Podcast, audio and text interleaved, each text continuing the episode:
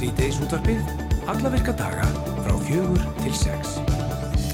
Og það eru Hrafnildur og Kristján Haldursbönn sem að stýra Sýteis útvarpinu í dag. Jú, heldur betur, uh, menningin blómstrar sem aldrei fyrir um all land og hér í henni Reykjavík borg þá bárust fregnir að því í dag að borgaræði völdu alltaf endur nýja og hækka rekstra samninga við fimm sjálfstæðstarfandi aðila í menningarlifi borgarinnar.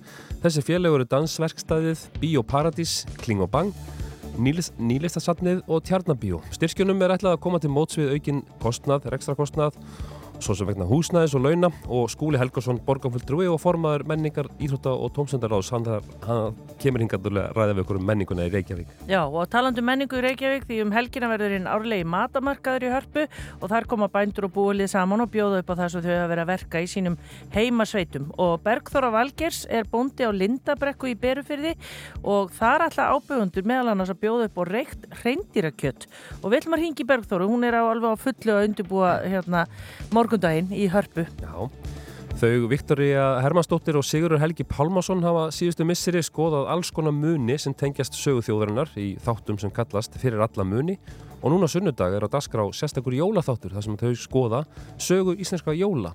Hún Viktoria kemur til okkar og segir okkar aðeins frá þættinum og kannski þessum jólahefðum sem þau voru að rannsaka. Tíðundum hef, talandum hefðir þá finnst okkur mörgum gaman að fara á jólatónlingu aðvendinu og fá jólaskapi beint í aðeð í formi ljúfra tóna og í gamla bíó hér í Reykjavík fara fram í kvöld öðruvísi jólatónlingar þar sem að blástur sljóðfærin verða í forgrunni og jólalögin í föngaðri eða djassari útsendingum með netla og einn af þeir sem þarna koma fram og er meira að segja auglustur sem leinigestur verður nú væntalega ekki eftir viðtalið hann heiti Karl Örvarsson og við ætlum að heyri í honum aðeins. Við höfum hér í sítisútarpunni fengið til okkar föstudagsgesti upp á síkastið bara svona réttið þess að ræða við okkur um daginn og veginn og, og í dag þá kemur til okkar rítuðundurinn Páll Valsson sem er nú játtrand útgáfustjóri Bjarts bókaútgáfu. En Páll hefur meðal annars ritað fátama vinsalar æfisögur um Víktísi Fimboðdóttur, Jónas Hallgrímsson, Jóhanni Sigurðar og Egil Ólásson svo fátt eitt sem nefnt og, og hann ætlar að synda hérna bent úr jólabókaflóðinu til okkar í spjall. Um þetta. En við ætlum að byrja þessu. Í dag kom fram tilkyn, í tilkynningu frá Bláalóninu að hægt verða að heimsækja það á ný á sunnudaginn og þar kemur fram að ákvörðunin hafi verið tekin í samstarfi yfirvöld og hefur fyrirtæki unni náu með þeim á meðan á jarðræðingar á svæðinu stóðu yfir. Og við erum komið með frangatastjóran Helgu Árnundóttur á línuna. Kontur sæl og blessuð. Komið sæl. Ef við kannski byrjum aðeins á uh, bara ástandinu í ykkar húsakinnum og svona, já, umhverfinu þarna, eru, er, eru mikið um skemmtir eða hvernig lítur bláalónuð út? Já, nei, við höfum ekki upplifað neinar skemmtir á okkar húsakinnum, hvorki í og við lóninni í byggingunum sjálfum, sem betur fer. Já, og ekki einu sinni þannig að það er hrist úr skápum eða neitt? Nei sko mjög litlu leiti, eitthvað örlítið en eitthvað það er allt svona einhverju smámunir þannig að í, í stóru myndinni húsakinn öll vel hérna svona í góðu standi. Já. Þetta verður fyrsta skipti sem að, að gestir fá að heimsækja blá lónið eftir, eftir að allt já, leika á reyði skjálfið þarna á, á tíma. Uh, hvernig er með aðgengið að? Nú er ekki kannski tapmarkaður aðgangur að það ekki að, að svæðinu. Hvernig, hvernig á fólk að bera sig að? Já, við erum ofbúslega glöð að geta opnað að nýju núna á sunnudaginn þó það verði svona takmörkunum háð og meðal annars hvað varðar aksturinn en það er til komið vegna þessara varnagarða sem er verið að byggja hérna í grendinni og ég vil nú segja það að þeir sem að er að sinna því verkja hafa unni algjört frek virki og undraverðum tímum.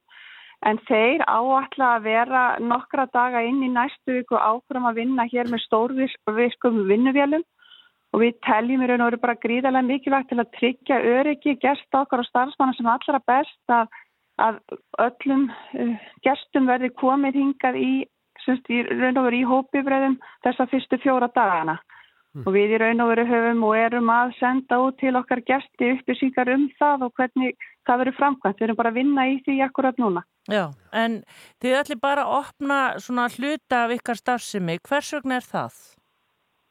Já, við erum í raun að vera að opna alla þá starfsemi sem við, sem við tölum um þar sem við erum að bjóða daggestum til okkar. Og það er út af því raun og þá erum við ekki með heimil til þess að vera hér með starfsemi að nætilagi en þetta þýðir þá það að við erum að opna lónið sjálft og, og veitingastadi verslunum okkar og svo framvegis. Og við erum þá bara uh, sömum, sömu takmörkunum háð og aðurir vinduveitundur í Grindavík þar að segja við getum verið með starfsemi eða fólk hér hjá okkur á svæðinu frá 7 á mótana til 9 á kvöldin og við vinnum að sjálfsögðu og, og byrju virðingu fyrir þeim tímarama. Við munum þess vegna að opna lónið klukkan 11 á daginn og vera nú opið eh, með gæsti hjá okkur til 8 þannig að við getum þá sint viðhaldið þrifum og öðru þessa tíma þar á milli. Já, en var uppselt eða er uppselt eins og núna yfir hátíðarnar hjá okkur eða hvernig er það? Nei, það er nú ekki uppselt og það er minna bókað en vegum að vennjast á þessum tíma. En enga síður að þá er eitthvað með bókanir og okkur finnst alveg óbáslega mikilvægt og gott að geta tekið á móti þeim gestum sem að í raun og veru hafa ekki áboka og voru í raun og veru að býða og vona við myndum geta opnað á þessum tíma þannig að okkur þykir væntum að geta bóðið þeim til okkar og svo erum við líka að finna það að nú fara að koma inn bókanir eftir að það fréttist að við erum að fara að opna og það er óbúslega mikil gleði tíðindi. Mm. Hafi ekki verið margir gestir og, og, og aðdáðandir lónsins sem hafa verið í sambandi við ykkur síðustu vikur og, og mikið hringt og mikið spurt eða hvað? Jú, jú, og það var auðvitað svolítið, það var auðvitað einhverju svektir þegar við lókuðum líka og svona, en þetta er bara staðan og við vinnum auðvitað bara út, út frá henni, en auðvitað sína gestir þessu skilning og þeir skilja í hvað stöðu við erum og þeir skilja auðvitað það líka, við erum auðvitað að horfa á þetta fyrst og næstu, við erum ekki gest á starfsmanna í fyrirrumi og erum að reyna að spila eftir þeim leikreglum sem við raun og veru höfum úr að móða á þessum tímapunkti. Um það er sérst á sunnudaginn klukkan 11 og bara um að gera að fara þá bara inn á heimasíðun ef að fólk eh, ætlar að heimsækja ykkur eða þekkir eitthvað sem er að koma til lands. Er ekki best að gera þetta þannig og bóka? Jú, það er langt best. Já. Og opið fram eftir? Við sem erum að taka á móti gestum en það eru gestur í lónu til 8 sem þá frá 11 til þá síðast eins og við tölum um síðastu gestur og í lón klukkan 6 þannig að við séum þá svona gestir farnir af svæðunum áttaleiti.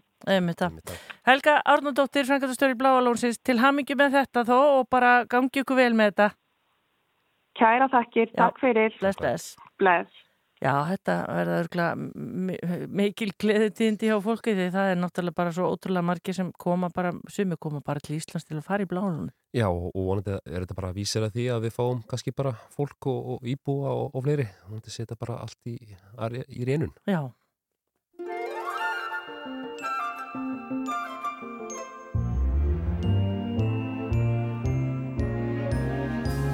Nú minni svo ótal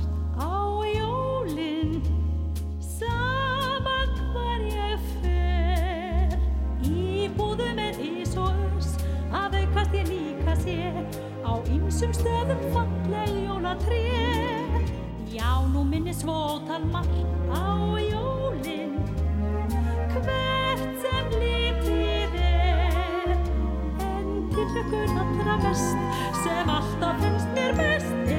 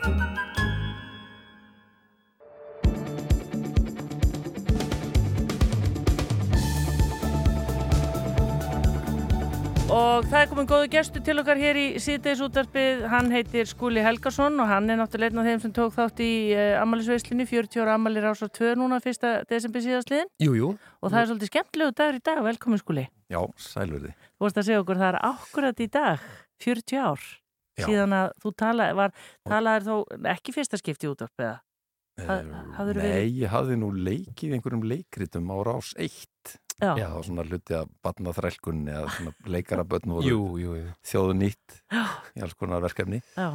En þetta var fyrsti útvars þátturinn sem ég tengdist sko. Eða sem sagt, hérna, fyrsta dagskágerðin, 15. des, 83. Hvernig mannst þetta? Ertu með bókaldið? Ég var búin að stengla. Já. Snorri er, er miklu glúrnari en en ég í þessum efnum, sakfræðingurinn. Snorri Már Já, kollegiðinn og hérna- þá voru þið tveir þá, fyrir 40 árum, saman já, með þátt. Þetta var fyrsti þáttur við vorum þetta, skítnervusir en, en hérna mættir 18 ára guttar með, með hérna, fyrsta þáttin um David Bowie Já, já. sjálfan og já, 15. des Og áttu líka skemmtilega endur komu hérna núna í sumar hjá okkur á Rástfö og voru með þæ- þætti og hérna, hvað héttu þér eftir? þeir hittu Rockrásin Ah, Rockrásin, Já. að sjálfsögðu. 40 þannig ára að síðar já, það var bara, kom okkur óvart hvað það var gaman að, að hérna, rifið þetta upp sko. Ég hlustaði virkilega skemmtilegt og bendi bara hlustendum á að þetta finna þetta örugglega í spilarunum á, á, á rúf.is Já, það er einmitt En við erum nógu nóg mikið búin að tala um Rása 2 ammælið heldur. Getum ekki Síðustu eftir að mánuði. undirbúa 50 samanli en við fengum sérst fréttir af því e, í dag að borgarífjöld hafa ákveðið að endunni á að hækka rekstra samninga við fimm sjálfstætt starfandi aðila í menningarlifi borgarinnar og uh, þetta hljóta uh, teljast góðu tíðindi, skúli. Já, þetta, við vorum rosalega ána með að, að ná þessi gegn sko. við vorum hérna svo sem upptekin af því að það væri ekkit mikið svigrum í borgarekstrunum fyrir einhverja nýja hluti eh, en börðumst fyrir tveimur atriðum í sambandi við menningamálin annars vegar að fá hækkun á svona almennu styrkina til menningamála sem við bara vitum hvað skipta miklu máli sérstaklega fyrir ungt fólk og þá sem er að koma sér af stað að eiga svona í einhver húsavenda með að fjármagna flotta viðbyrði hvort sem það er á sviði tónlistar, myndlistar eða eh, sviðsverka, leiklist, dans og svo framvegis. Og við náðum í fyrsta sinni fimm ár að hækka þá upphæðum 15 miljónir sem að gerir heilmikið. En síðan voru það, það var hinn svona hitt stóra baróttumáli var að fá hækkun á fimm svo kallar ekstra samninga við sjálfstætt starfandi aðil í menningageranum Já. og hérna þau höfðu öll svona banka á dýrnar hjá okkur og, og svona borið sig illa yfir bara verðbólgunni og, og því að sérstaklega húsnæðiskostnaður hefur rókið upp úr öllu valdi og miklu erfiðara fyrir þau bara að láta enda ná saman. Þannig að við fórum í leðangur kannad hvort við gætum náð stuðningi við það að, að hækka þessa samninga. Eh, Þannig að þau kemust fyrir vind og, og það tókst Já. í hérna samþýtt fjórasáallunar borgarinnar í síðustu viku. Já, og segðu okkur hvaða, hérna, hvaða menningar hérna, félög þetta eru. Já, þetta er sem sagt eh, fyrsta lagi Kling og Bang og nýlistasafnið sem eru bæði svona listamanna reikin eh, rými fyrir, fyrir myndlist og frábærlega metnaðafull og skemmtileg og fjölbreytt starfsemi sem að þau halda úti. Þetta eru þetta tveir aðskildir aðeinar en þau eru núna búin að vera undarfærin ár eh, undir sama þakki í Marsjálhúsinu út á Granda. Og halda úti bara ótrúlega merkilegri starfsemi Mhm. þú segir listamannareikin þannig að þau hafa ekki mikla að spila en, en eru gríðarlega mikilvæg bara upp á gróskuna og, og að að halda úti starfsemi þar sem er líka einhver vettvangu fyrir yngstu kynsluðana í myndlistinni Já. og gera það fanta vel Já. og, og svo er dansvestaðið sem er, er bæði að ala upp hérna svona yngstu kynsluðana krakkarnir sem eru að stíga sín fyrstu spóra dansbrautinni eru þarna e, í æfingum allar, allar daga og allar vikur og svo eru þau þetta að taka þátt í Reykjavík Dansfestival og metnaðaföllum síningum Mhm. síðan er það Tjarnabíó sem eru þetta heimili sjálfstæðra sviðslista með ótrúlega metnaðafulla dagskrá og, og kringu 300 viðburður á ári Ótrúlegt. við mjög alveg. þröngan kost en met aðsókn en svona tvísýn rekstur erfitt að láta endan á saman en það frekar lítið svið Mm. Um, og í fymta lagi er það Bíóparadís sem er auðvitað aftur svona heimili auðvitað kvikmyndana gríðarlega hérna, margt sem að þau gera eru að standa fyrir alls konar kvikmyndaháttíðum í samstarfi við sendiráðinn og eru með sérstakar síningar fyrir uh, innflytjendur nú á þessu ári nýmæli eins og síninga fyrir fólk sem alla jafna á bara erfitt með að fara í bíó. bara einhverfir Akkurat, sérstakt aðgengi fyrir- hérna, já, þroskatruglanir heilabilunir. Já, heilabilun og alls konar. sko, þau eru með skólasýningar Já. uh, og gera þetta fanta vel Mm. ég man það sjálf, ég er alveg svolítið upp sem svona hérna kvikmyndanörd í bara fjalakettunum gamla sem Mm. 13, 14, 15 ára gutti. Og hérna, það var vel gert. Þau voru að gefa manni svona glugga á hérna, eh, myndir sem voru kannski ekki sýndar í almennum bíóhúsum en, en bíópartist tekur eiginlega utanum alla, þau eru líka bara með skemmtilegar föstudagsýningar sem er verið að rifja upp Dirty Dancing og einhverja svona myndir bara sem að Já. allir mun eftir og kveikja í einhverju nostalgíu hjá mörgum en er ekki endilega einhver stórkoslega meistarverk en bara Mhm. til þess að fólk hafi gaman En það hvað var í borgin eins og ég segja án, án þessa menningar, ég menna Já, Já. er það ekki einmitt sko, nú erst þú búin að vera í, í borginni það ekki tölunum tíma og Mhm. þekkir þetta kannski mæta vel en er þetta ekki akkurat svona mikið metnaðar mál hjá, hjá borgaryfirvöldum að, halda úti þessum, þessum menningarsbrótum í, í borginni? Og er það ekki bara akkurat það sem að þeir sem að heimsækja Reykjavík eru að sækja í svona á mestu leiti? Jú, ég held að það sé ekki hægt að ofmeta hvað þetta skiptir okkur miklu máli. Bæði okkur sem búum hérna og höfum gert það alla tíð. Þú veist, þetta er bara það sem gerir borgarlífið skemmtilegra. Mhm. um, en þetta er alveg aðdráttarab fyrir uh, túristar sumuleiðis, við finnum það alveg bæði inn í söfnin okkar, við erum með frábær söfn eins og Mhm. listasafreikjaukur sem er með kjærvalstaði og hafnarhúsið og, og borgarbókasafnið uh, hérna borgarsögursafnið, þetta eru svona stólpanir í þessum menningastofnunum sem við erum að að reyka, svo erum við þetta með frábær hérna, eh, frábæra aðila sem eru svo sem að starfa fyrir eigin reikning eins og leikfélag Reykjavíkur í borgarleikusinu en með stóran samning við borgina, þannig að við lítum á þau svona sem e, hluta af fjölskyldun okkar. Já, gleði en dagur í svo dag. eru þessir svona aðila sem eru kannski minni Einmitt, en opbáslega mikilvægir upp á gróskuna og frumsköpun og fjölbreytnina. Alveg frábært. Uh, Við vorum í gær með hana hérna Kolbrúnu Áslöður og Baldus í gær og hún var að segja okkur hans frá uh, uh, borgarstjórnafundi núna í vikunni þar sem að mikið var rætt upp niðurstöðu písakönnunar Hvernig svona leggst þetta í, í, í þig og hvað, hvernig fannst þér umræðan og heldur að við komumst eitthvað svona áfram í þessu? Þetta er alltaf þegar að niðurstöðunar berast þá einhvern veginn bara fer allt og svo hættum við að tala um þetta bara kannski eftir tvo mánuði alveg rétt, það er alveg hættan og við höfum margótt verið á þeim stað um, að svona maður rekkur við í nokkra daga og svo koma einhver önnur mál sem að taka yfir uh, dagskrána hjá manni en ég held að það sé alveg ljóst og, og þetta er eh, hérna klárlega mikil breyting frá þessum verið hefur. Við, við höfum fylst með því bæði hvað hefur gæst á Íslandi í þessum bísakonunum og líka sérstaklega með augun á Reykjavík. Reykjavík til dæmis fór upp á við í síðustu konun 2018. Þá voru, voru framfærir í tveimur af þessum þremur greinum og borgins bara stóð ágætlega en, en hún tekur dífu niður á við núna rétt eins og bara landið allt Já, og mér finnst vera alveg augljóst að við þurfum að bregðast við við þurfum að, að vinna þetta svolítið þannig að allir sé að lappi takt menn sé ekki að eh, einhvern veginn að leita sögudólgum heldur bara að finna góða lausnir. Mm ríki, sveitafjölu, foreldrar eh, nefnendur allir. Mhm.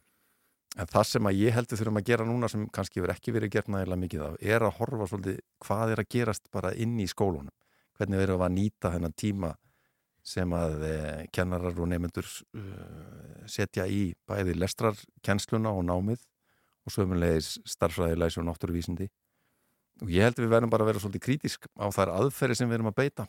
Mhm. Þú veist, eru það réttar, eru það að skila nægilega miklum árangri? Já. og mín skoðun er svo að við séum í ofríkum mæli að kannski nota aðferði sem er ekki búið að rannsaka nægilega vel sem er ekki endilega vist að skili börnunum árangri og framförum. Nei, og við þurfum, ég held að pólitíkin er fyrst og næst að líta á það sem sitt hlutverk að segja bara, við gerum kröfu um það. Við ætlum ekki að fara að velja hvaða aðferðum við beitið. Nei. En við ætlum að gera kröfu um það að það sé beitt aðferðum sem að Mhm. eru stuttar rannsóknum sem rannsóknir sína að skili meiri árangri heldur en aðrar aðferðir sem er í búði Getur verið að, að við svona niðurstöður komi upp of mikil vörn hjá okkur bara eins og bara fóraldrum og, og skólakerfinu, kennurum og, og yfirvöldum? Já, ég held að það sé alveg hægt á því Mhm. það er alveg mannlegt og skiljanlegt Já, þannig að við, þú veist, þegar ég segi þetta að við hefum að vera krítisk á það sem gerist í Mm. skólan þá er ég alls ekki að segja að þar með eigin minn að fara að, að sagt, hengja einhverja upp á snaga skiljið, mm. það er bera allir ábyrð á því, ég, við gerum það í pólitíkinni en við þurfum að veiga samtal við skólastjórnendur og kennara fóristun og skoða bara saman, hvað getur við saman gert til þess að, að börnin okkar standi betur? Því að þetta er þetta mjög afdrefaríkt fyrir þeirra framtíð. Já, ef þeim er ekki að ganga vel og þeim er að fara aftur milli ára í þessum grunnfögum. Einmitt, og svo er náttúrulega eins og Kolbrún kom inn á í gerð við þurfum náttúrulega líka bara sem fóreldrar og forraðamenn og æfingin skapa meistaran það við þurfum að halda öllu við og æfa okkur Sannlega rétt og mér fannst það merkileg sagan sem hún var að segja af sjálfur sér í þeim efnum að Já. hún, hún hérna, hefði snemma lært að lesa en, en ekki haldið þessari tækni við mm -hmm. og það er bara eins og við þekkjum úr íþróttum og öðru að ef maður er ekki duglegur að æfa sig þá, þá raka mann í hratt Já. Já. Við þurfum að, sko, maður sá einhverja mynd sem að fólk var að deila að, sátuðu saman í sófarum, annað með síman og hinn með tölvuna mm. að skoða og googla hvernig á að bæta úr þessum niðurstöðum í lestrar sérna árangri barnana sko, þannig að þetta var svolítið lýsandi, þú veist að við kannski þurfum að, að sína fordami og, og halda bókum. Já, já, ég og við hjónin þekkjum þetta vel bara á okkar heimili, við erum með nýjára stelpur sem er mikið hæfileika búin, en hún er í vandraðum í, með lesturinn uh mhm. -huh. og með ADHD og, og hérna já lesblindu og hérna það er alveg verkefni að halda henni við efnið Einmitt. en það má ekki gefast upp þetta, þetta er svolítið vesen í einhver misseri eða ár en, en, en það bara skiptir öllum máli að gefast ekki upp. Já, mhm. einmitt það. Þetta var áhugavert. Takk hella fyrir komuninga skúli Helgarsson Borgarfylltrú og nefndabæður í menningar, íþrótta og tómstadráði. Góða fréttir þaðan í dag og bara Já. áfram Áfram við gerum betur, já áfram menning og áfram písa, er það ekki? Við gerum betur. Algjörlega. Takk fyrir komuna. Þakkir.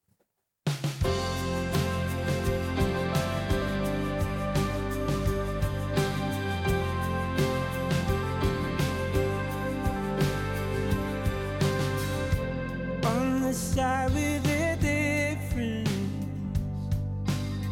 Making it something it's not Resting your thought on the coffee. It's not a creature in the sky. You wanna see where it takes you. Cause it's been hard to tell. All of the days apart. Feels like it starts. When the sun goes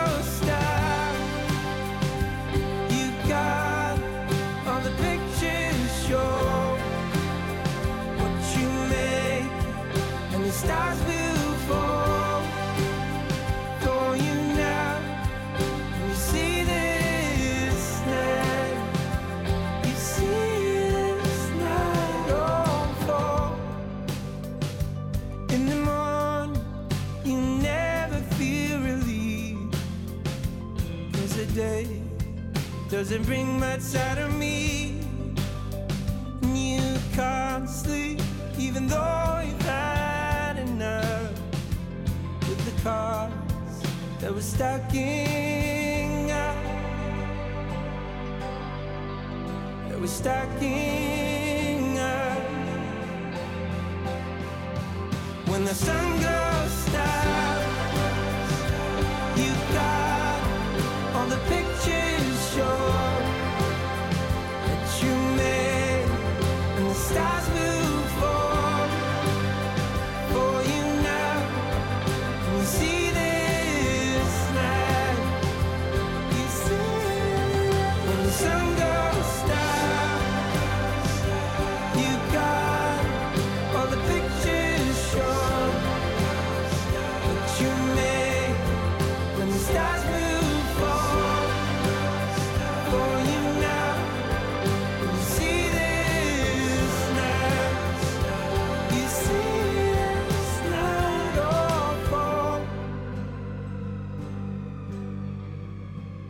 Síðdegis útvarpið. Málefni líðandi stundar. Frá fjögur til sex á Rás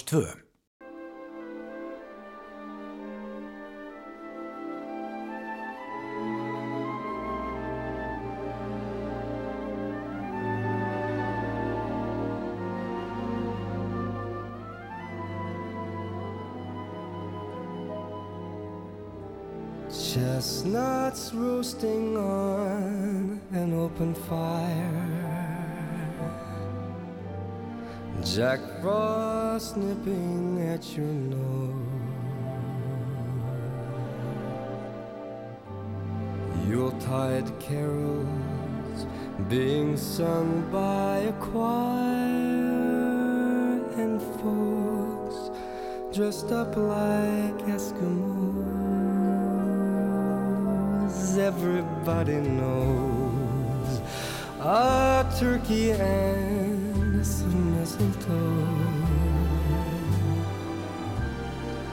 help to make the season bright. Tiny tots with their eyes all aglow will find it hard to sleep tonight. They know that Santa's on his way. He's loaded lots of toys and goodies on his sleigh. And every mother's child is going to spy to see if reindeer really know how to fly. And so I'm offering this simple phrase to kids from one to ninety-two. Although it's been said many times, many ways, Merry Christmas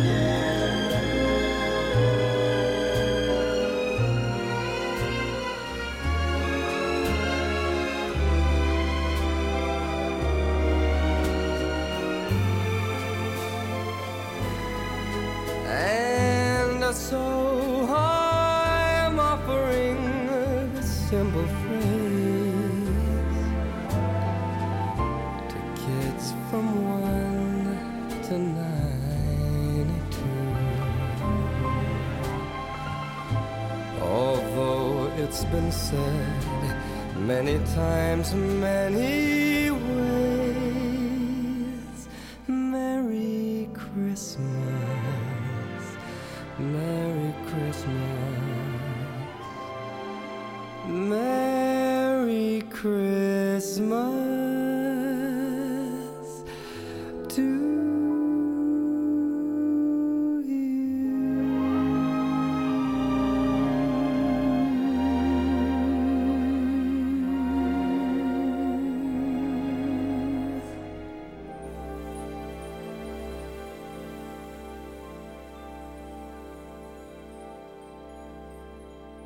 Á sunnudaginn verður bóðið upp á, já ég var að segja veislu í sjónvarpun okkar, rúf það nú veisla á hverju kvöldi þarna Jú, jú. og bara henni alla daga. Þetta er ein veistla, alvendan og, og desember einhvern veginn orðin. Það er þáttur á dagskráni klukkan 20.15 sem heitir Fyrir alla muni og Viktoria Hermannsdóttir og Sigurður Helgi Pálmásson er umsjónamenn og Viktoria er hinga komin. Velkomin. Takk fyrir. Og ég var að segja, er þetta svona upptaktur að þriðju serju? Já, þetta er fyrsti þátturinn í raun og veru í þriðaseríunni. En þetta er samt svona eiginlega svona jóla spesial. Ég veit ekki, kann ekki íslenskt orðið við jóla spesial. En svona, já, sérstakur jólaþáttur. Já. Fyrir, uh, já, fyrir alla jólamunni. Já, fyrir alla jólamunni. Nema að núna erum við ekki með mun, eins og við erum alltaf með hvernig þætti. Heldur er sko jólin, íslensk jól, eru raun og veru munurinn sem við erum að skoða. Já. Við erum svona að kanna íslensk jól út frá öllum mögulegum hliðum. Einmitt. Hvaðan hefðirna koma, hvaðan skrauti kemur, hvaðan jólalögin koma, maturinn og bara, já, erum einhvern veginn bara að velta þess aðeins upp. Já, og eru ekki rosalega tætt Íslendikar varandi jólin? Við erum með amerísku jól, svo erum við með íslensku jólin hana og þetta er einhvern veginn allt svolítið í bland. Já, er ekkert vola margt sem að er svona alveg sér íslenskt, virðist vera, sko. Þannig séð, auðvitað náttúrulega hefðirna koma hérna og þann og verða svo kannski íslenskar, en það er svona flestar þeirra eru með rætur eitthvað starf annar staðar. Mhm. En það er akkur þessi tími sem að við erum svo mest í þessum hefðum, síðum og venjum Já, og hérna, svona hvort það er matur eða, eða annað. Uh, sko ég hef stundu sagt frá því að hérna, mín fyrstu yfirildi við korona mína voru þegar við vorum saman í félagsfræði kurs í mentaskóla að lunga áður en við verðum hjón þá fórum við að rífast um hvað við áttum að hafa í mat við áttum Já. að leika hjón og hvað áttum að vera í matin að aðfæktaskvöld já, einmitt. Ég held að þetta geti verið deilumál á mörgum heimilum. Er það ekki? Jú, að þetta er vola stert í okkur, sko, hvað Einmitt. við viljum borða jólunum, hvernig við viljum hafa jólunum og allt þetta. Mhm. En þetta hefur nú kannski aðeins breyst. Þetta er aðeins svona, þetta er orðið minna hefðbundið heldur en það var, held ég. Já. En í þættinu þá erum við bara að skoða þetta allstaðar, ég raun og veru bara, já, frá öllum þessum mögulegum Já, Já. En hver er það sem leiðir ykkur áfram í þessu? Er Sko, einhver við- sem veit mest um þetta? við förum að hittum ímsa sérfræðinga. Já. og eh, já, bara mjög marga sko. og svo fyrir við hérna við, og við erum með líka, sko við erum bæði að hitta hann og Margréti Sigfúrsdóttur varandi matinn, við erum aðeins að pæli því og það er margt sem kemur þar óvart gaman að velta þessu fyrir sér Já, sem var í hústjórnarskólanum já, já, emmi, fyrirvarandi skólastjóri þar skólastýra já. Og svo erum við að hitta mm, Jónatan Garðarsson sem er nú að vinna hér. Sem veit allt. sem veit allt. Og hann er sérstaklega að tala um tónlist. Hann hefði nú ekki að tala um þetta allt hitt líka sko.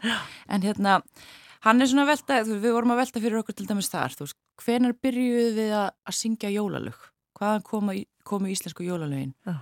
og allt þetta og baku þetta, hvaðan kemur þetta? Og, og hafa jólalög alltaf verið sungin í jólunum og allt þetta? Já. og það er mjög skemmtir að heyra það og allt sem kemur þar í ljós. og alltaf bara eins og flesti vita þá, ég meina, meiri hluti íslenskar jólalega eða svona þe mörga þeim sem eru meira ábyrrandi, ábyrrandi eru náttúrulega bara ykkur ítölsk sumalög sem er mjög fyndið. En, en, en er eitthvað svona eitt á þessu ætla nú að ljóstra upp öllu sem er í þættinum sko, en er eitthvað svona eitt sem er íslenskt jól bara, alltaf eitthvað? Sko, ætlaði sé ekki bara það að, við, að þau byrja klukkan 6 á aðfangata Já, þögnin. Og svo náttúrulega er það mismundi hjá hverjum einum en það er eiginlega eitthvað svona var eitt sem nefndi sko að, að hangikjöti væri svona sér íslenskt en það er ekkit allir endilega sem að borða hangikjöti í jólunum þannig að er þetta er eiginlega eina sem við getum sagt sem er svona sér íslenskt Mhm. af því að það, ég meina að, já, á mörgum öðrum stöðum byrjaðu á öðrum tíma og jóladag og allt þetta sko. En ég myndi segja að það væri svona kannski það helsta Spennandi, þetta hva- er semst á, já, allar að spyrja mér Já, ég, mitt, sko, mitt þetta er bara í hug. Hvenar verður hefð, hvað hva ámar að gera hluti mörgusinnum til að verði hefð, er það einhver sem að Já, einmitt, það er svona kannski bara fyrir þetta hjá hverjum einum. Um, Já, ég bara Einmitt. ég eiginlega veit það ekki, sko. Nei. þetta er svona, þetta er bara já, ég veit það ekki. En það er gaman að velta sér og velta þessum hefðum fyrir sér, af því þær eru við erum flest með ykkur hefðir tengdar jólum. Mm. það er að segja það, við sem höldum jól Þannig að allar spurningarnar sem við höfðum um það af hverju svona jól eða hins einn jól, þeim verður svarað í þættinu Já, þeim sunnudaginn. svarar og við erum líka með þess að hitta mann sem að held jólin, hann sagt, náði að halda jól í Torbæ Já. og lýsir því. Það er mjög fallegt. Árið 2023. Já. einmitt. Viktoria Hermannsdóttir, við verðum sest í sófan á sunnundaskvöldið klukkan 20.15 fyrir alla muni. Bara, erum spennt. Takk fyrir komuna. Takk fyrir mig. Gleðli jól. Gleðileg jól.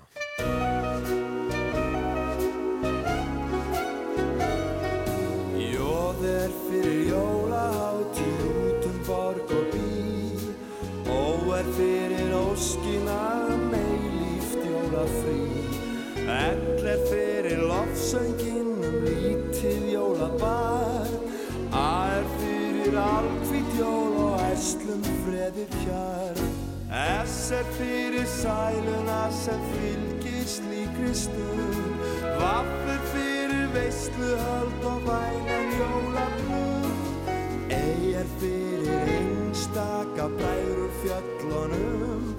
En er fyrir nammið frá þeim körlunum. Ef við röðum þessum stöfum saman Hvern munum við sjá Engan en sjálfan jólasveinu sem komin er á strá Stafurinn er fyrir jólahátíð út um borg og bí er fyrir óskina með líft jólafrí. Er fyrir lofsöngin um lítið jólabær. Er fyrir alkvít jól og æslum freði fjár Er fyrir sæluna sem fylgir slíkri stund Vaff er fyrir veisluhöld og vænan jólabrund Ei er fyrir einstaka bræður úr fjöllunum. En er fyrir namni frá þeim körlunum. En við röðum þessum stöfum saman Hvert munum við sjá sjálfan jólasveinin sem kominn er á stjá Þetta er Helgi Björnsson og lag sem heitir Jólastafróið og það er Hallgrimur Helgason sem að á textan við þetta lag. En, ha, Skemmtilegt. virkilega skemmtilegt. Það er komið að þessu, Kristján. Mm. Nei, ekki þessu. Nei, það er ekki blutu vikuna. Sér svo flink í tækninni. Þessu. Veðurhorfur næsta sólaringin. Hvað segir okkur? Það var eitt sem kom hérna inn til okkur og sagði nú er komið hagl hérna fyrir utan. Ha, Allra veðra von. já. Einmitt. Jú, það er náttúrulega Suðvestan 13-20 metrar á sekundu núna, slitta eða snjókoma sumstaðar í fyrstu, annað sél, þetta er svona næsti sólarhingur þar að segja. Uh, hann stittir upp á norðu-austurlandi og austurlandi með kvöldinu, dregur heldur úrvindi í nótt og á morgun. Það var einmitt rosa stormur hérna, svona um þrjú, þrjú fjólitið, alveg dimmt og heilmikill vindur hérna sem að barði rúður út af húsins. Já, Já, hiti 0-5 stig en, en vægt frost á norð-austanverðu landinu á morgun. Svo er hérna aðtjóðsend frá veðurfræðingi, kvassviðri og sumstaða stormur með jæljum og slutujæljum um sunnan og vestanvert landið. Já. Þetta er svona það sem að þau bjóðu upp á. einmitt. Það Þau kom hérna sko, þessi snjóföl sko sem kemur, hún lýsir nú samt upp en svo var líka ykkur að tala um það hérna áðan að sko myrkrið, bara í hádeginu. Það er bara svart úti bara. Einmitt. Það er náttúrulega búið að vera líka snjólaust sko, þannig að það strax munar heil miklu þegar það er snjór. já, En við tókum nú viðtal hérna í útarpinu í vikunum við Sigur Jónsson, veðurfræðing og, og hann talaði mitt um að þetta væri umhleypika samt þessa næstu sólringa. Það, það væri kannski ekkit mikið að festast þessi snjór en það væri svona gengi á mig jæljum og, og yfir helgina. já. Nú, uh, við erum svona að nálgast uh, fréttir, tilkynningar og fréttir núna klukkan 5 en uh, svo ætlum við að gera ímislegt. Við ætlum að tala um tvo menningar viðbyrð sem að verða í borginni, annar er í kvöld. Já, Það eru tónleikar í Gamla bíó já, einmitt. og það er Sko- ekki svona jazz svolítill. Jú, jazz og funk og svona, Já, pínu öðruvísi, blástusljóðfyrinni hérna í forgrunni. já, Og svo þetta var auðlistir nokkur gestir, það eru heilmikið margir sem koma hana fram, Fríman Gunnarsson og fleiri, við kannski heyrum meira að því, en það var sérstaklega auðlistur leiningjast. Mér finnst það svolítið margilegt. og, og við ætlum sko að tala við hann sem var auglistu leiningjast. Já, einmitt. Já, hann við- Karl, Karl Öl- Örvarsson, ég held við sem ekki ljóstra hann einu. Nei, nei. En við vorum nú að, að hérna, skemmt okkur yfir því áðan að við vorum með, með svona ákveðið þema í málundum dagsins. Það væri svolítið mikið af emmi og, og svo B. Já, Veistu hvað það var? Það var menning, já, matur, matur, hvað var svo áttur? Uh, munir. munir, emmi. Og svo erum við með bað. Já. Við vorum að heimsækja blá lóni þarna á. Já. Og svo bækur. Já, hérna hér. Þetta er, ótrúlega, þetta er svakalegt. Þetta er magna þegar Þetta er alveg magna.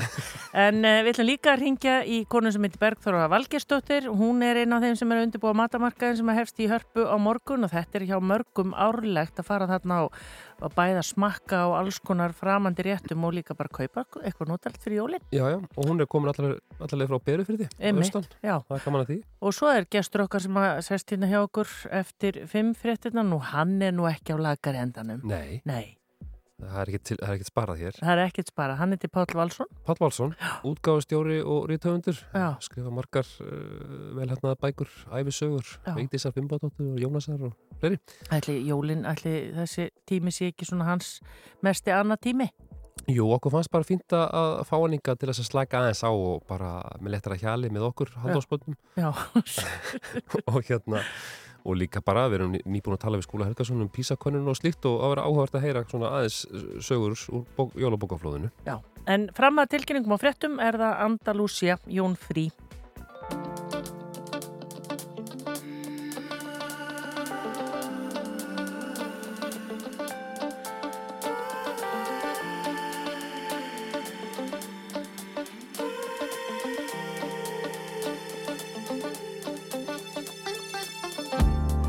Taktar Glænýtt kvöld? Gýra mig gangulög frá síðustu öld og Andalusia Ég svíf, ég svíf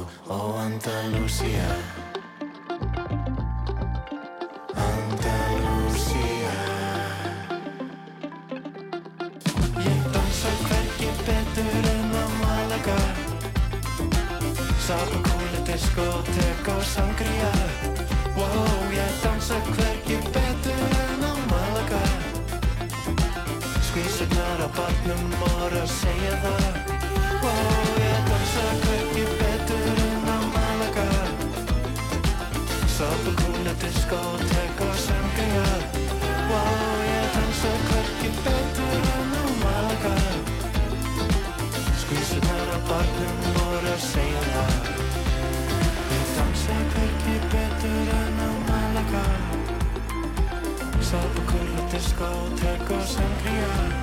Wow, ég dansa hvergi betur en á Malaga Skvísa þarna barnum bara segja það. Þú ert að hlusta á síðdeis útvarpið á Rástvöð. Þá er komið að setni helmingi þáttarins í dag, millir 5 og 6 og við erum hér við stýrið við Hrafnildur Haldarsóttir og Kristján Freyr og uh, hinga til okkar er komin fyrstadagsgestur. Hrafnildur, við erum náttúrulega búin að vera síðustu fyrstadaga með, með góða fyrstadagsgesti sem að hafa svona rætt við okkur um bara um daginn og veginn Já, og hérna og Katla, leikuna. Jú, Katla Margrét og, og, og það enda nú á því að við fórum að tala meira um hunda heldur en henn, hennar verkefni Já, emitt. og svo fengum við tónlistamannin Valdemar Guðmundsson en hingað í dag uh, til okkar er mættur Páll Valsson rítöfundur og, og, og útgefandi hjá Bjarti bókaútgáfu og, og við svona ákveðum að stela það svona rétt í úr miðju jólabókaflóði nú er nær það Mjög bara ykkur. Já, einmitt til þess að róa- það. til þess að róa þig aðeins niður með léttara hjali Já, já, já, já. Hvað, hvaða tíðindi færir okkur úr, úr miðju já, nú nærðis jólabókaflóði náttúrulega hámarkið eða ekki þessum dögum Jó, og svona nú er allt ferð af stað sem betur fer Mhm. og, og, og bækur virðast alltaf seljast Já, já. og þá kætast menn og þá léttir á lagernum og, og það þetta er alltaf mjög, mikil tögaveiklun þegar lager eru fullur af bókum og ekkert ferðið að seljast og, og menn eh, farandi yfirum á stressi út um allan bæ en, en ég held að þetta er voðalega mikið af sko, góðum bókum Mhm. uh, sem aldrei fyrr jú. leikum við að segja Mhm. og uh, við erum bara að leifum okkur bjart síni þrátt fyrir að, að svona ólæsis spár dinji yfir okkur Mhm. Og við þurfum að taka þær alvarlega og, og svona uh, almennt le, menn lesa minna, við þurfum bara að horfa stjóðu við það en á meðan þessi góði síður er að gefa bóki jólagjöf þá höldum við velli Já. Já. og þetta er uh, nefnilega mjög merkilegu síður og, og ég held að hann sé hvergi eins rót gróin og hér og uh, það ber að halda honum við eins og öllum góðum síðum Einmitt. Er hérna, er það samt ekki svolítil synd einhvern veginn að þetta fari allt í uh, þennan tíma og svo bara einhvern veginn, já þetta er svona eins og bara flöðeldur, springur einhvern veginn út. Jú, uh, frá því ég byrjaði svona vera viðlóðandi þennan bransa og það er mjög látt síðan að það hefur allt snúist um að reyna að breyta þessu Já. reyna að gefa út bækur árið um kring og uh, það tókst á tíðanbili að, að, að minka hlutfall jólabókana í heldarveldunni nú hins vegar erum við komin aftur í þing eh, vegna breytingana og, og það hefur sko orðabækur, æfisögur skólabækur, kiljur salan á öllu þessu hefur farið niður og farið mjög langt niður sumt Mhm. og sumt af eðlum ástæðum. En þannig að við erum aftur komin í það að það er jólabókaflóði sem ræður úslitum um, um e, framhalslíf höfunda og útgefanda Ekki breyta hefðunum. Nei, Nei. mjög mikilvægt En þú hefur verið einmitt lengi viðlóðandi bóka, bókabransan Já. sem bæði höfundur og, og útgefandi og það er einmitt svo margt búið að gerast á þessum tíma náttúrulega hérna, það eru tölfur og tæki og Já, já. það eru hljóðbækur og allt annað já, já. og núna í starfi útgefandans hvern, hvernig er að, að starfaði þetta núna bara fyrir 20 ára síðan? Ég sko, það eru náttúrulega mjög margar marguslega breyti eins og ég var að segja þessar bækur sem að voru svona ég tökum til dæmis æfisugur sem Mhm. ég hef fengist við. E, Sú bókmentakrein alltaf sko, þetta voru meðal mest seldu bóka alltaf æfisugur þetta er alveg búið. Þessi bókmentakrein er í, í uh, hvað ég var að segja, krísu. Mm. uh, af augljósum ásum internetið hefur breytt þessu öllu. Ef þú að vita eitthvað um einhvern Já. í staðin fyrir að tegja þig í bók þá bara googlaru þannig að, að æfisugur eiga eftir að breytast ég, ég held að þeir haldi, haldi velli það mun alltaf koma út einhverja æfisugur en það verða þá að hafa eitthvað sem að netið hefur ekki og, og verða öðruvísi í læginu og, og ég, ég spái því að, að svona, við, við munum fá svona æfisugur en þær verða öðruvísi Já.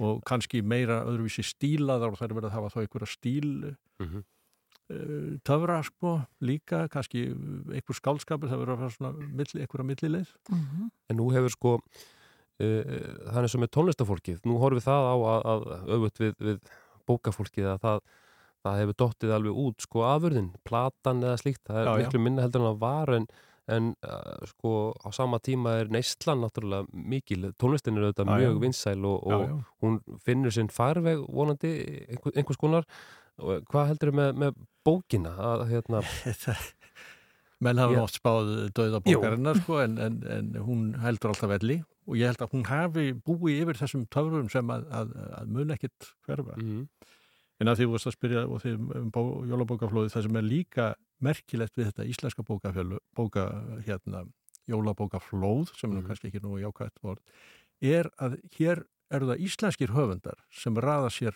á í, í öll toppsæti á öllum meðsölulistum. Já, það er ólíkt. að- Það, það er, held ég hvergi annar staðar í heiminn. nei, Jafnvel hjá svona miklum patrióskum uh, þjóðum eins og brettum og bandaríkjumönnum. engir íslenskir fara inn. þar á toppi.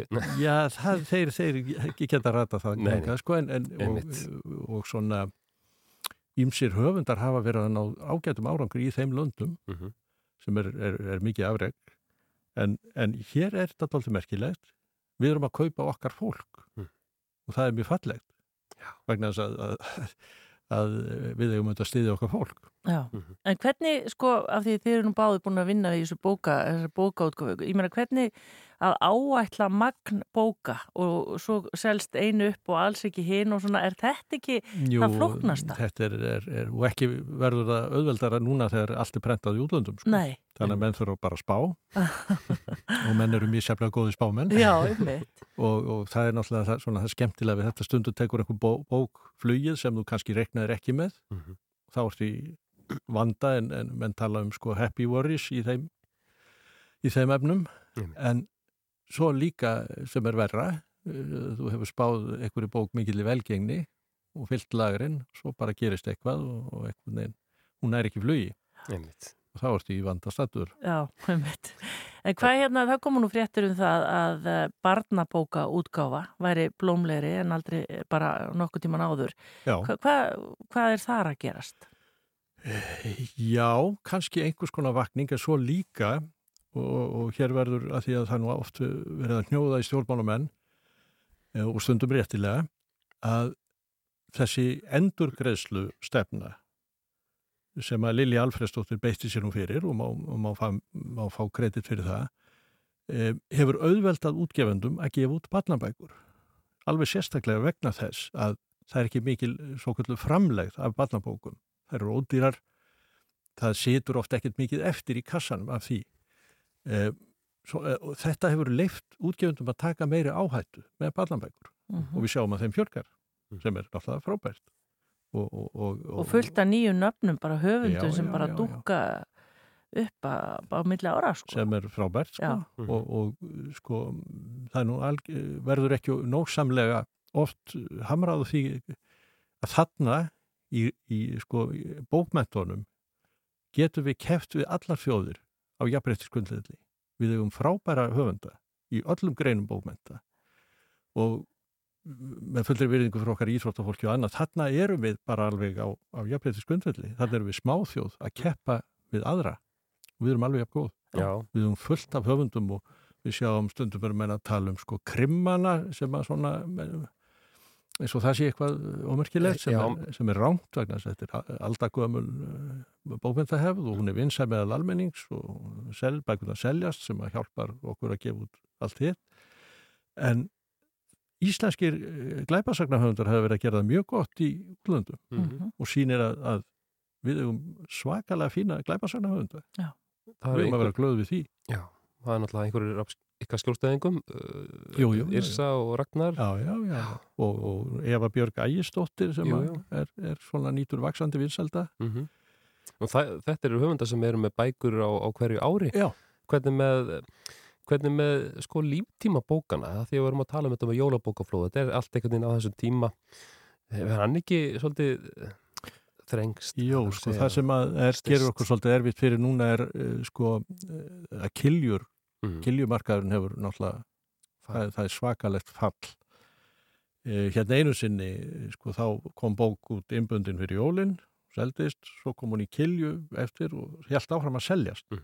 hún fór inn í skólanna og svona þetta er gjör breytt sko Já. og hefur uh, til, hins verra og, og, og svona kiljusalan er bara er svipur hjá sjón sko þannig að uh, þetta veldur okkur erfiðleikum að spá fyrir um magn Já. bók seldist upp ok, þá kem ég bara með hans kilju fyrir áramót, Já. bara fljótt og þannig helst líftíminn áfram En, en þetta að höfundur kannski bara til þess að halda sér einhvern veginn í aðtiklinni að það verði að koma með bók á hverju ári. Er það?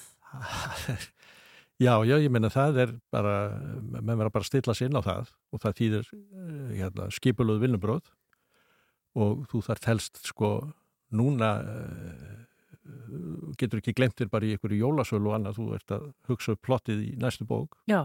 og þessir eh, svona Arnaldur og fleiri sem að eru, hafa verið í þessu lengi hann er uh, tilbúin bara með, með handritið að næstu bók bara í áspyrjun Já.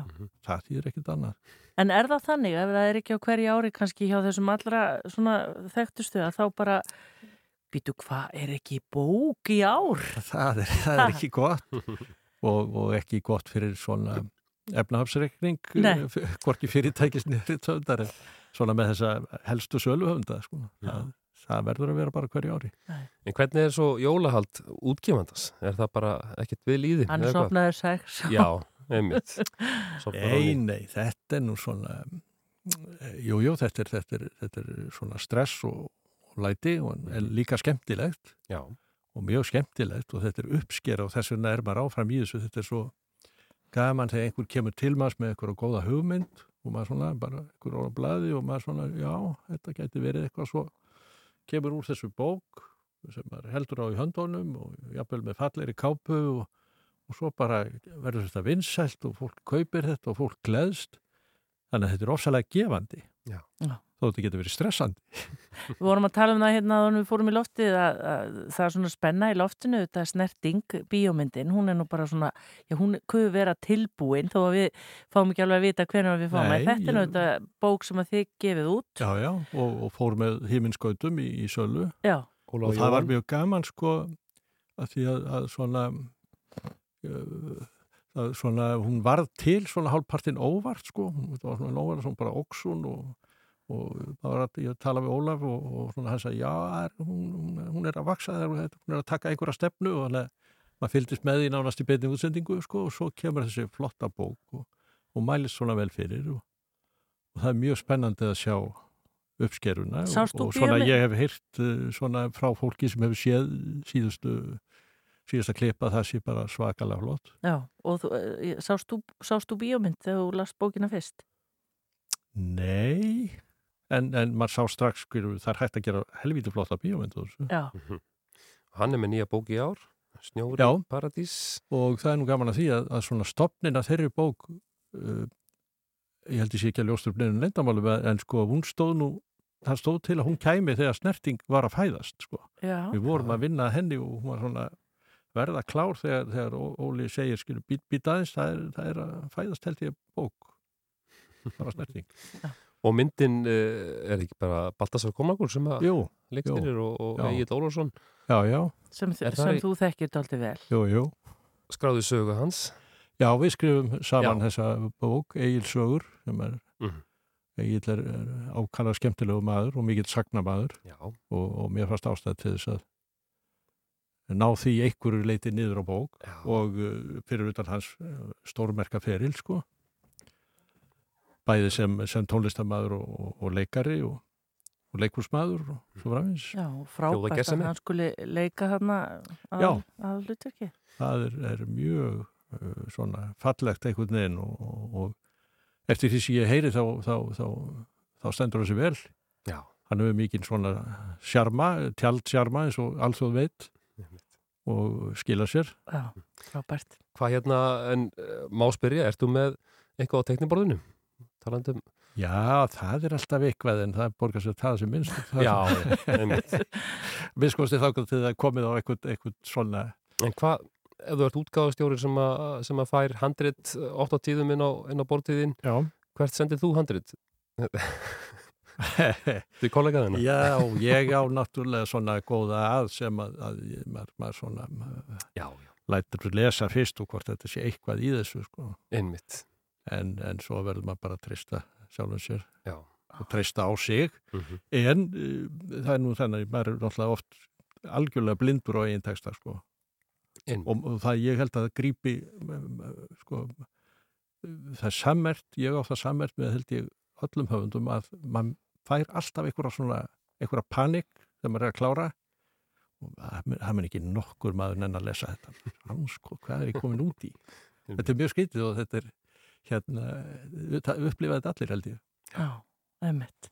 En sem sagt, Páll Valsson, myndur þú segja, já, það er allavega hérna uh, bjart yfir bókum, en þá? Já, og, og það, það er, það, þetta er mjög fín bókajól, það er mikið af mjög spennandi bókum, það er ung kynslu núna hesla sér völl, ungir höfundar með mjög svona metnaðafullar og flottar bækur sínist mér, ég hef ekki lesið þetta allt náttúrulega, en, en maður sér að sko, fólk er að takast á við samtíman Mhm.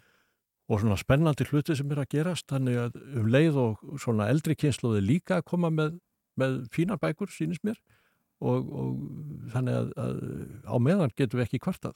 Já, og kannski leiðilega spurning en, en finnst þér koma of mikið út af bókum? E, sannarlega er kemur út og að fá mikið af bókum og það hefur alltaf gert það Já. Og, og eh, svona það, það kemur út of mikið að bókum miða við sko efnaðsreikningin og ég nefni það nú aftur að, að það er náttúrulega dæm, margar góðar bækur fá ekki það aðtekli sem þær eiga skilið og það er auðvitað leðilegt en þetta er bara, frá því ég byrjaði þessu bransa líka, hefur alltaf verið þetta, já já, nú, nú fækkum við tillum og það gengur alltaf jafn ítla vegna þess að þú færði eitthvað handrit og það, það er bara Það verður bara- já, bara, þetta verður að koma út og það er bara of freistandi og treyst á Guð og lökunna sko. Já, Pátt Pálsson, útgáðastjóri hjá Bjarti Veröld og, og höfundur, takk fyrir að koma til okkar og, og segja okkur aðeins frá jólabúkaflóðinu og, og þú, þið tókst að gleyma smá staðastund rétt á meðan. Og fekk bílastæði, hann var nú mest kvíðinni við því en við völdum hérna lag, ekkert þras og þarna er þetta Egil Ólafs og. Moses Hightower og Leilo og Högni og fleiri sem syngja þetta með Viðeigandi. Takk fyrir Páll. komuna. Góða Takk sem leiðis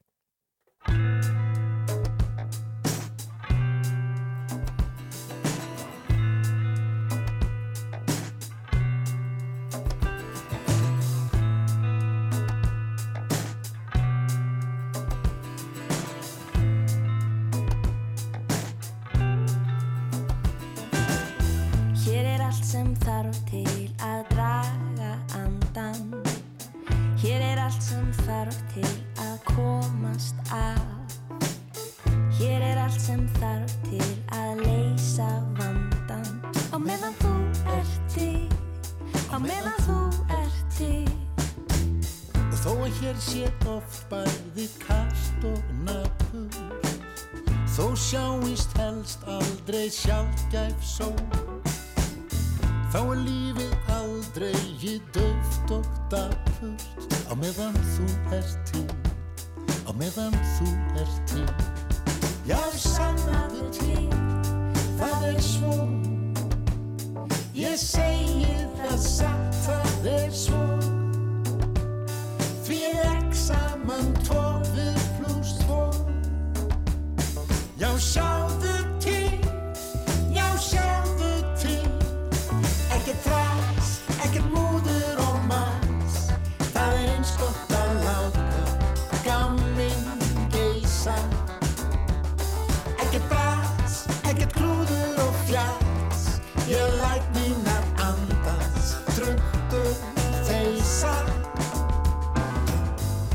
til vill er lífið að koma á óvart.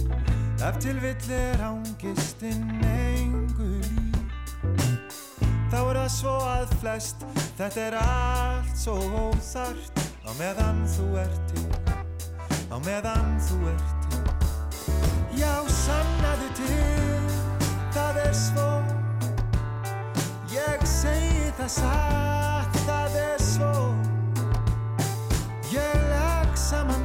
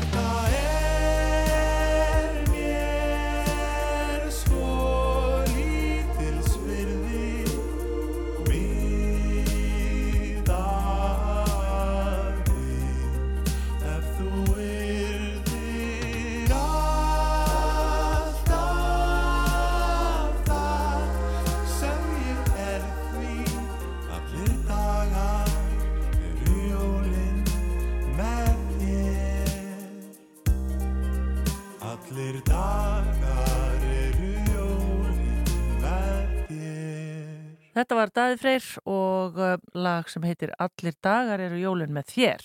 Jú, hinn eini sannig matamarkaðar Íslands er elsti og stæsti matamarkaðar sem haldin er á Íslandi og á þann marka koma bændur, sjómenn og smáframlegendur viðsvegar á landinu með fjölbreytta vörur.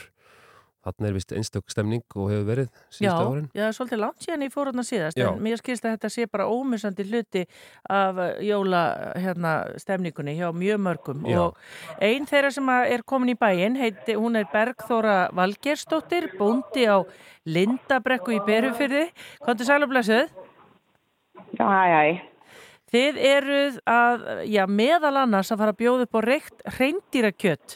Það er nú eitthvað sem að kannski við þekkjum ekkert mjög vel. Það er ekki eina af þessum hefðum allavega en verður það væntalega. Já, vonandi. Þetta er alveg rosalega gott. Þetta er bara fyrir þreim, fjórum árum þá ákvað maðurinn minn og vinur hans að prófa að reykja hrindirækjött. Svo er svona hefur þróað það út frá því.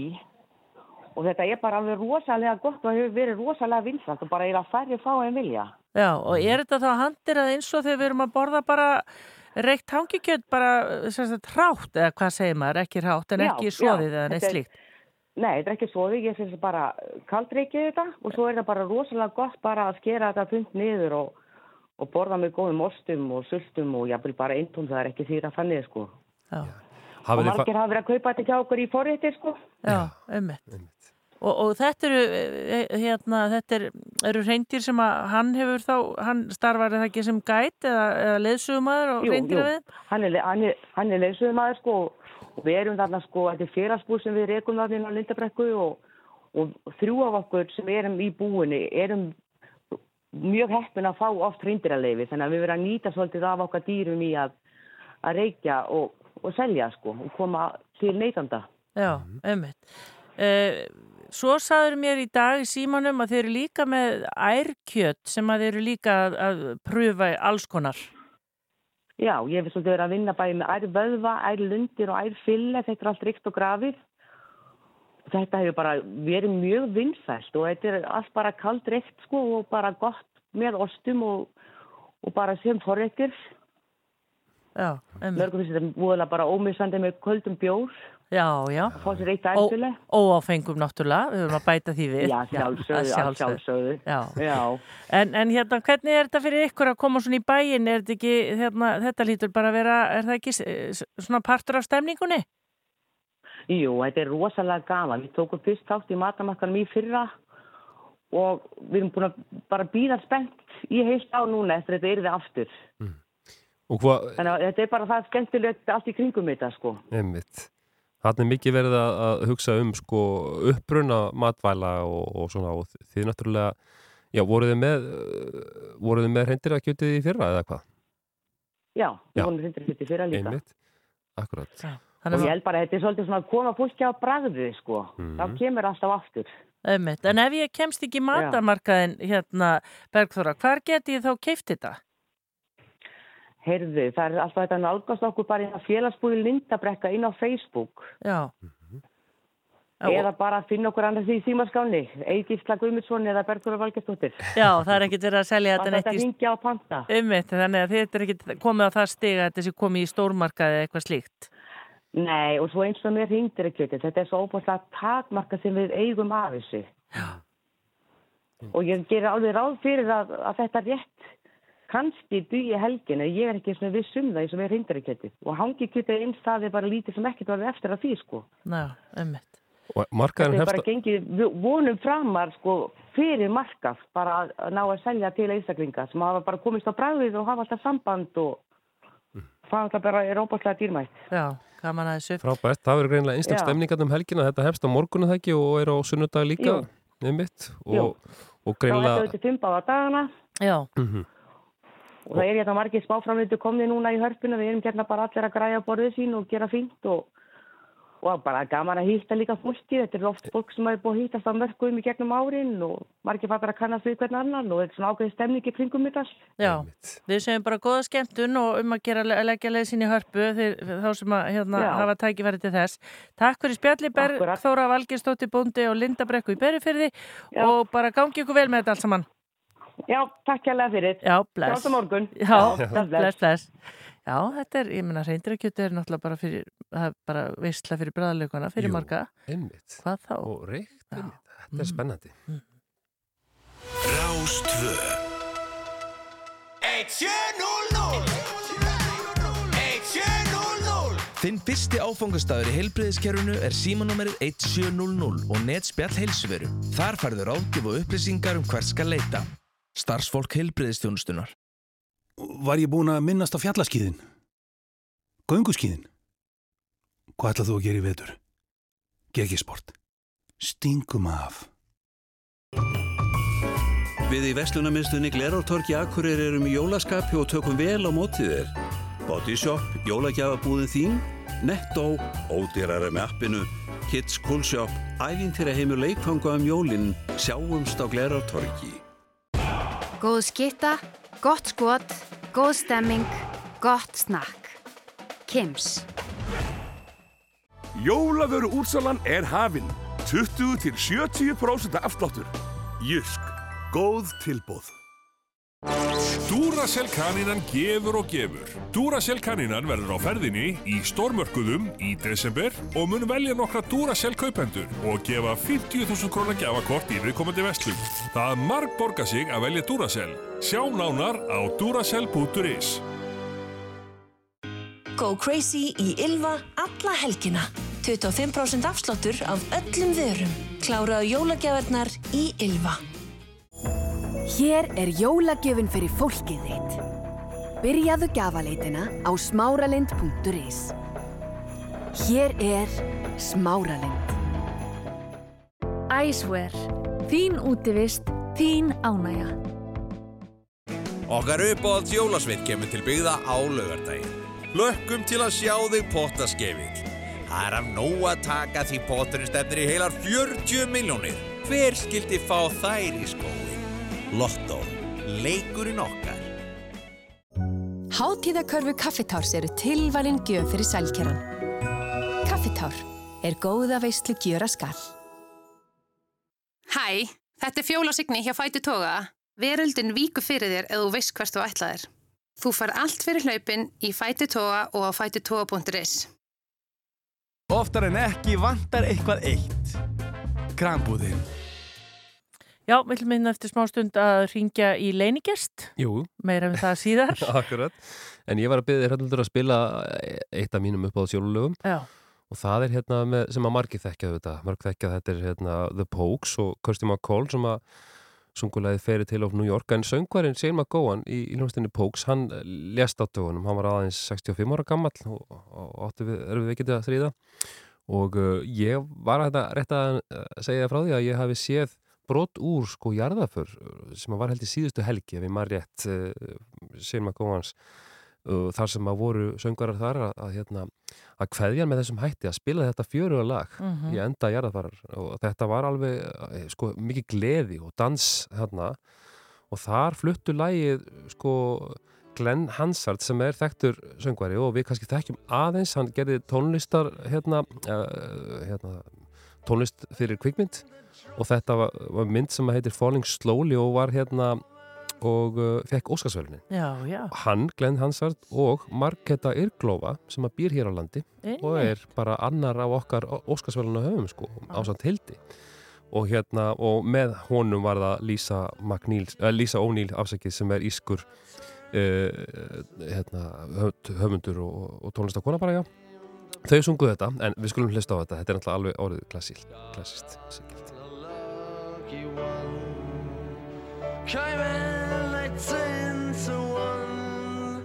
I've got a feeling this year's for me and you. So happy Christmas. I love you, baby. I can see a better time when all our dreams true.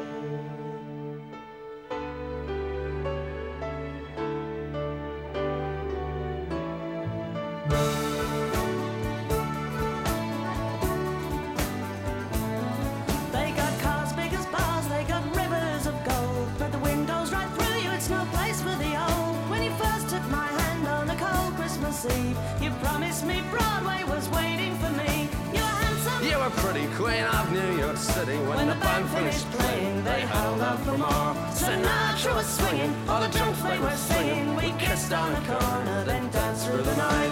The boys of the NYPD choir were singing, "Go away, babe," and the bells were ringing out for Christmas Day.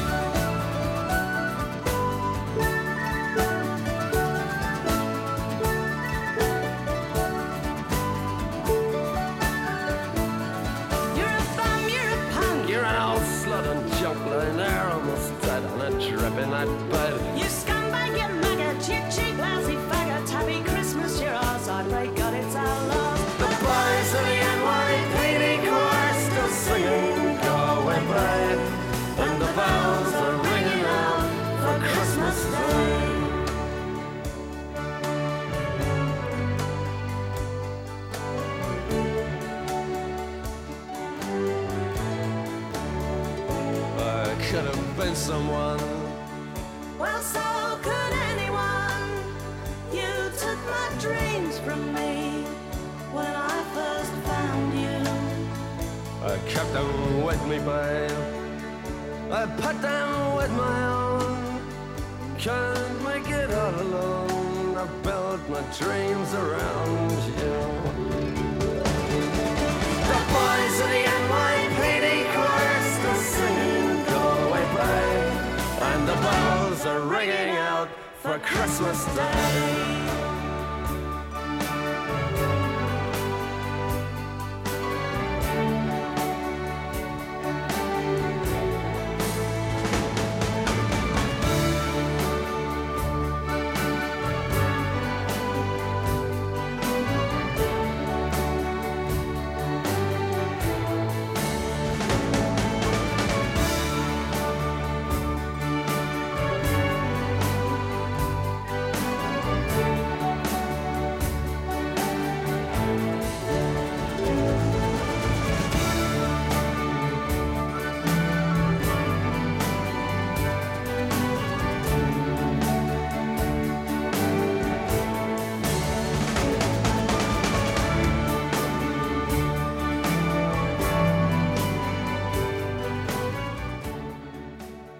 Já, Kristján, þú veist að segja, maður er bara að fara og sjá þetta, ég, hérna, og þú er bara verið með gæsa húð.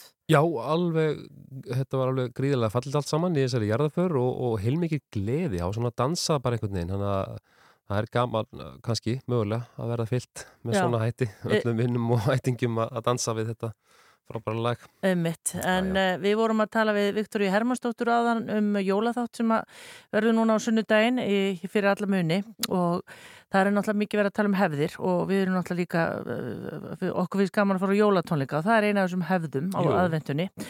Og uh, í gamla bíó í Reykjavík, hér í Reykjavík í kvöld, þá fara fram uh, öðruvísi jólatónleikar þar sem að blástur sljóðfærin verða í forgrunni og jólalögin í föngaðri eða jazzari útsetningum en ella og þarna koma margir góðir gestir fram og meiri segja leinigestur sem að er á línunni Já.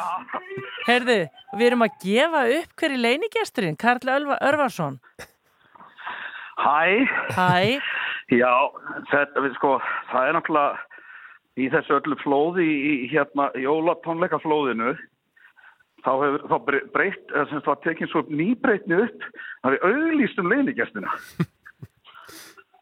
það er svona, það er svona, þú veist, það er reynt allt til að selja miðan, er það ekki? Jú, en, en, en, en, er það Karl Örvarsson eða er það Íll Ólafs eða Kári eða hver allar að vera? Já, ok, það er náttúrulega möguleik að það séu kannski leinigestinni sem koma, sko. Já. Ég ætla, ég, ætla, ég ætla að koma með nýjan í kvöld, sko. Nú? Já, það er leinigesturinn. það mætir einn nýr með mér í kvöld. Ég er með einhverja svona sex átta góðra. Já. En hins vegar, hins vegar, ég, sko, ég, jú, jú, ég var nú reynda fenginn hérna aðalega til að koma og syngja gamla, hringdi mér um Bjössi Saks sem heldur þetta. Og þetta er svona jazz, fusion, funk, veistla, þessi tónleikar, sko. Og, en þeir vildu setja smá mótánin í þetta líka, þannig að ég er að fara að taka gamla, eldgamla smellin jólastund Einmitt, Með stuðkompaníinu. með stuðkompaníinu. Já, það var þá að hrista rikið af því, sko. Já, einmitt. En hvað er hérna svona blásturs hljóðfæri jóla eitthvað, er það það er aldrei skemmtilegt Já, þetta er svona, þetta er, þetta er öðruvísi tónleikarnir, sko. Þetta er svona hérna, sko, Bjössi Saks er náttúrulega bara fenómen á saxafónin. Ég hérna, ég er mitt hérna, það er svona stendur til að leinigesturinn Karl, hann, ég komi blásandi sjálfur þarna línuna í babbi, inn á sviði, sko. Já. Og hérna, ég held að saxafónin sé einhverstað á leiðinni til mín núna, sko. Já, já. Ég, ég veit ekki, sko, ég blæs svo lítið í hann, ég veit ekki hvað hann er, en ég held ég verði með hann í kvöld, sko, en ég held ég láti nú síðan, sko, brassið og, og bjössa meir um þetta og einbytti mér eða muna textan, sko. Já. Sko, Karl, ég ætla hann að fara að segja að, að það eru margir svona kannski eins og ég sem er ekkert seljaðir Já. aðdáðundur óvissuferða. Og bara gott að vita hvað maður á í vændum og, og þess vegna fannst mér svo sniðut að að auðlýsa leinigestin hver hann er svona, það er svo gott fyrir fólk að vita bara að því. En svo, og þú ert nú búin að segja að, að þú verður mögulega með saxofón það er gott að vita bara fyrir gesti en, en þú ætla samt að bjóða upp á einhverja, einhverja leinigesti hérna, Já, já, það verða, það verða leiningi og Halli, Halli Mello, hérna leikari, hérna Hallgrímur vinnum minn, Já. Halli Mello er, er leiningestur líka og hann er líka með leiningest, eða semst með sér sem, sem, sem það það er náttúrulega auðlýs okkur báða. Já. að hérna, þá er þetta náttúrulega þannig að við verðum að koma með eitthvað leini og hann kemur með einn sem verður leinigestur sem mætir á sviði í kvöld og, og sko það sem og svo, svo, svo náttúrulega verður rúsínunni pilsendan svolítið er að það er alveg svakalega skemmtilegu kynir með okkur og hérna hann syngur með þessi eitt lag á tónleikunum og hérna ég hef aldrei hérna að syngja á þur það, það er dálítið skemmtilegt að heyra Fríman Gunnarsson taka lagið hérna. Syngja? ég get svo svarið og hann verður, og ég, ég sá dressið hans á þann og hann verður svona sínist mér ætla að taka þetta svolítið og hann var að æfa með bandin á þann og þá einhvern veginn, svo er Bjössi náttúrulega tekur saxahónsólu í læginu og hann var einhvern veginn allan tíma hvað, já þetta er rosa flott en er þetta samt ekki að verða búið og, og svo er þetta langt svona sóló ég meina ég ætla að hvernig syngja, syngja meir í læginu eitthvað. hann var röflandi allan tíman í saxahónsólu En er, mér, Er frímann hérna, þú talar um klæðina en er hann ekki að velja sér jarlitina bara eins og, eins og áður? Eða má ekki Það verður ekki gefið? Hann, hann er nefnilega, já, nei, það er best að segja, en sko, ég get sagt þér það, það eru ansið sterk, þetta er svona meira, meira í ætt við eldtræringar, sko, þú veist, og, og, og, og heita, heita liti, sko, þú veist, þannig að hérna, já, frímannin verður, sko, hann verður svo glæsilegur í kvöldmaður. En þetta er sem sagt raunverulega svona, svona, já, öskrá sem samanstendur af svona, Jú, þetta er náttúrulega bara auðvitað aðalatriðið, náttúrulega þessi tónleikar og þetta frábæra band sem er að spila hérna á sviði, sko, og hérna, en svo með svona svolítið svona íva við leini gesta og, og, og fríman Gunnar heldur utan um þetta, Gunnarsson heldur utan um þetta, sko, tröstum höndum. Já, en hvenær byrjið þið? Við byrjum átta Já, og í gamla, í gamla bíó og hérna... og það er eitthvað til að meðum. Ég, ég, held að- ég held að sé ennþá til miðar, já, já, og hérna fólk bara hendi sér inn á tix og hérna, eða, eða bara mættir. Já, já. Heyrðu, það var blaðmann að fundu fyrir í dag með Kára hann, út á hauskúpunni. Heyrðu, já, það, Já, ætlar að, ég minnst að því. ó, Ég sagði, sagði- ég, ég, ég, ég, ég sko, það er, það er einstaklega merkilegt með þennan fund.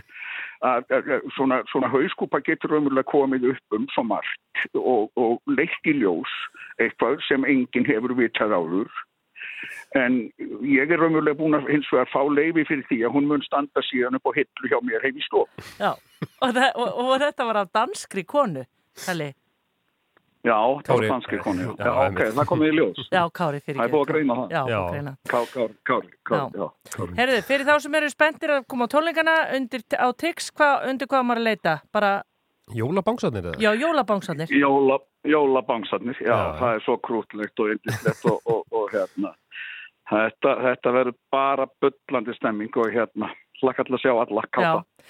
Takk fyrir spjallið og hérna byrjum að heilsa öllum og góða skemmtun í kvöld. Sömu leiðist takk Já, bless, og hérna, bless. hlakka til að sjá ykkur. Já, Ok. takk sem leiðist, bless. Já, þetta var, viðeigandi ég, hérna, gaf, ég gafst ekki upp með að hérna, koma með einhver, einhver nöfnanda hann Já. myndi nú bresta í Já. hugsaður að geta þetta Jæja, Ha? hent sér í allar hugenda líki. Sko, ég Já. nefnilega sá Karl á jólaskemmtunum daginn. Já. Þar var hann að hermeti kaffivel. Nei, Jú, jú. Ég man ekki hvaða tegund það var. mannst ekki það hefur verið svona sjálfvirk væntalega Já, það er svona eitthvað það væri að mil, já, mulningur, kaffimulningur. En við komumst ekki lengra í dag, við ætlum að enda þetta náttúrulega ás jólastund með stöðkompaníunni hér eftir smástund, en við Mhm. erum búin að koma víða við, fengum hérna föstaskest Pál Valsson, útgefanda og rithöfund Mhm. og fórum svona aðeins yfir jólabókaflóðið eins og, eins og hann sagði, þetta er svona gildislaðið orð svolítið. Já, svo kom á skúli Helgason og sagði okkur frá menningunni sem að blómstara í Reykjavík og, og þeirra stuðning Reykjavík borgar við, við hérna, fimm sjálfstæðstarfandi aðila í menningarliðu borgarinnar. Já. Svo heyrðum við á matamarkaðnum sem er um helgina og, og, og fyrir alla muni. Það er á sunnudaginn, jólaþáttur. já, þetta er svona upptakturinn af seríu sem að verður eftir áramót en Mhm. þetta er svona, ég ætla að horfa vegna þess að það, það verður hvað, akkur er þessi jólalög, Mhm. akkur er þessu í kringum jólatrið, akkur borðum við laufabröð, þessu verður öllu svarað þarna í þessum þætti. Mjög áhugavert. Þetta er rosa langu þáttur, það verður marga klukkutíma. Hefðirnar. spurningar, já. En svo heyrðum við líka frá Bláa lónunu, það sem að Helga tilgætt okkur það að það heyrði opið í Bláa lónunu loksins aftur. Já, 11 til 8 núna, Já, meðan er, já, það verður ekki hægt að hafa hótelið opið Nei. eða neitt, það má ekki gista þetta yfir nótt. En, en eins og ég segði, það eru Halldórsbörnin, Kristján og Rafnildur sem hverja, við verðum bara að segja um góða helgi, Jú. allir landsmenn og hérna verðum svo bara aftur með ykkur hér í síðdegisúttarfinu á mandag. Takk fyrir að hlusta í dag.